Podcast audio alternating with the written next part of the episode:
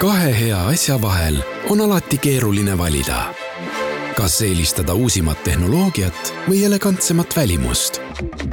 uue Toyota Camry täishübriid elektriautoga on valik lihtne. see on lipulaeva elegants, mugavus ja turvalisus. uus Camry Hybrid koos viimase põlvkonna Toyota Safety Sense ohutuspaketiga. Camry Executive on nüüd eriti hea tutvumispakkumisega. vaata lisa toyota.ee. ruupor. tere mina olen ajakirjanik Ainar Ruussaar. on hea tõdeda, et mõned maailmas kokku lepitud reeglid peavad. näiteks reegel, et sõjakuriteod ei aegu ja aeg ei muuda nende kuritegude tõlgendamisel pehmemaks ka rahvusvahelist kohut. eile jätsid ÜRO kohtunikud elu lõpuni trellide taha Bosnia serblaste sõjaväe endise ülema Ratko Mladici, hüüdnimega Lihunik kelle hingel on enam kui veerandsaja aasta tagusest sõjast tuhandete moslemite elud ja kätel nende veri.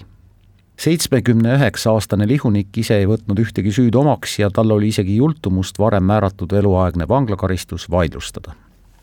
Mladic oli viimane Bosnia sõjaaegsetest Serbia liidritest, kelle üle veel kohtupidamine kestis ta oli sõjaliseks näoks brutaalses kolmikus, mille poliitilist poolt juhtisid Jugoslaavia lagunemiseni viinud sõjas selle endine president Slobodan Milosevic ja Bosnia serblaste liider Radovan Karadžić.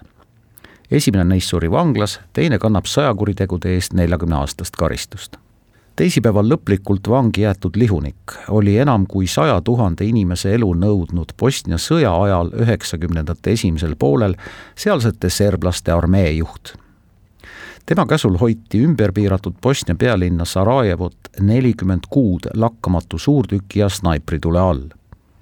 kõige verisemat episoodi Mladici elus tuntakse aga Srebrenica veresauna all tuhande üheksasaja üheksakümne viienda aasta juulis, juba üsna sõja lõpujärgus, tapeti lihuniku käsul selle Triina jõe lähedal asuva linnakese juures kaheksa tuhat kolmsada seitsekümmend kolm moslemi meest ja poisslast. tema noorim ohver oli vaid viieaastane ja vanim üheksakümne nelja aastane.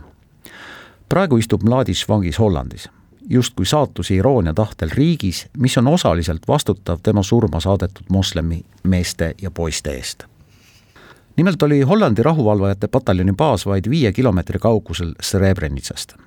ÜRO hollandlastest sõdurite juures otsisid serblaste eest kaitset tuhanded moslemid hollandlased jäid uskuma Mladici valelubadust, et ta toimetab moslemi põgenikud bussidega ohutusse paika muidugi mitte midagi säärast ei juhtunud ja järgmisel päeval pidid hollandlastest sinikiivrid väga piinlikult maha vaatama.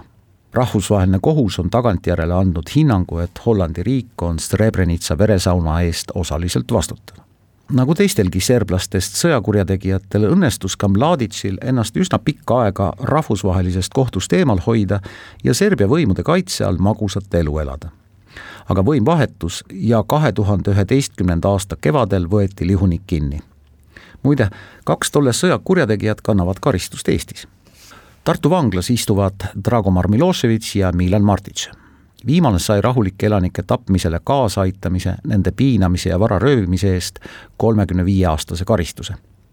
Miloševitš aga juhtis serblast üksust, mis piiras kolm aastat Sarajevot. tema karistuseks määras kohus kakskümmend üheksa aastat mõlemad tänaseks juba üsna eakad mehed taotlesid enda ennetähtaegset vabastamist Tartu maakohus sellist otsust ei teinud, sest sõjakuriteod ei aegu. viimase kolmekümne aasta jooksul on erinevad osapooled pannud toime sõjakuritegusid väga paljudes maailma riikides. kahjuks on paljud nende aegumatute kuritegude toimepanijatest siiani vabaduses, mitmed neist oma riigi kaitse all ja mõned uhkeldavad oma võigaste tegudega siiani sõjakuritegudes kahtlustatavaid elab näiteks Venemaal ning muidugi Süürias, Iraagis, Afganistanis ja mitmes Aafrika riigis. Mladici lugu annab lootust, et kunagi astuvad ka nemad rahvusvahelise tribunali ette. ruupor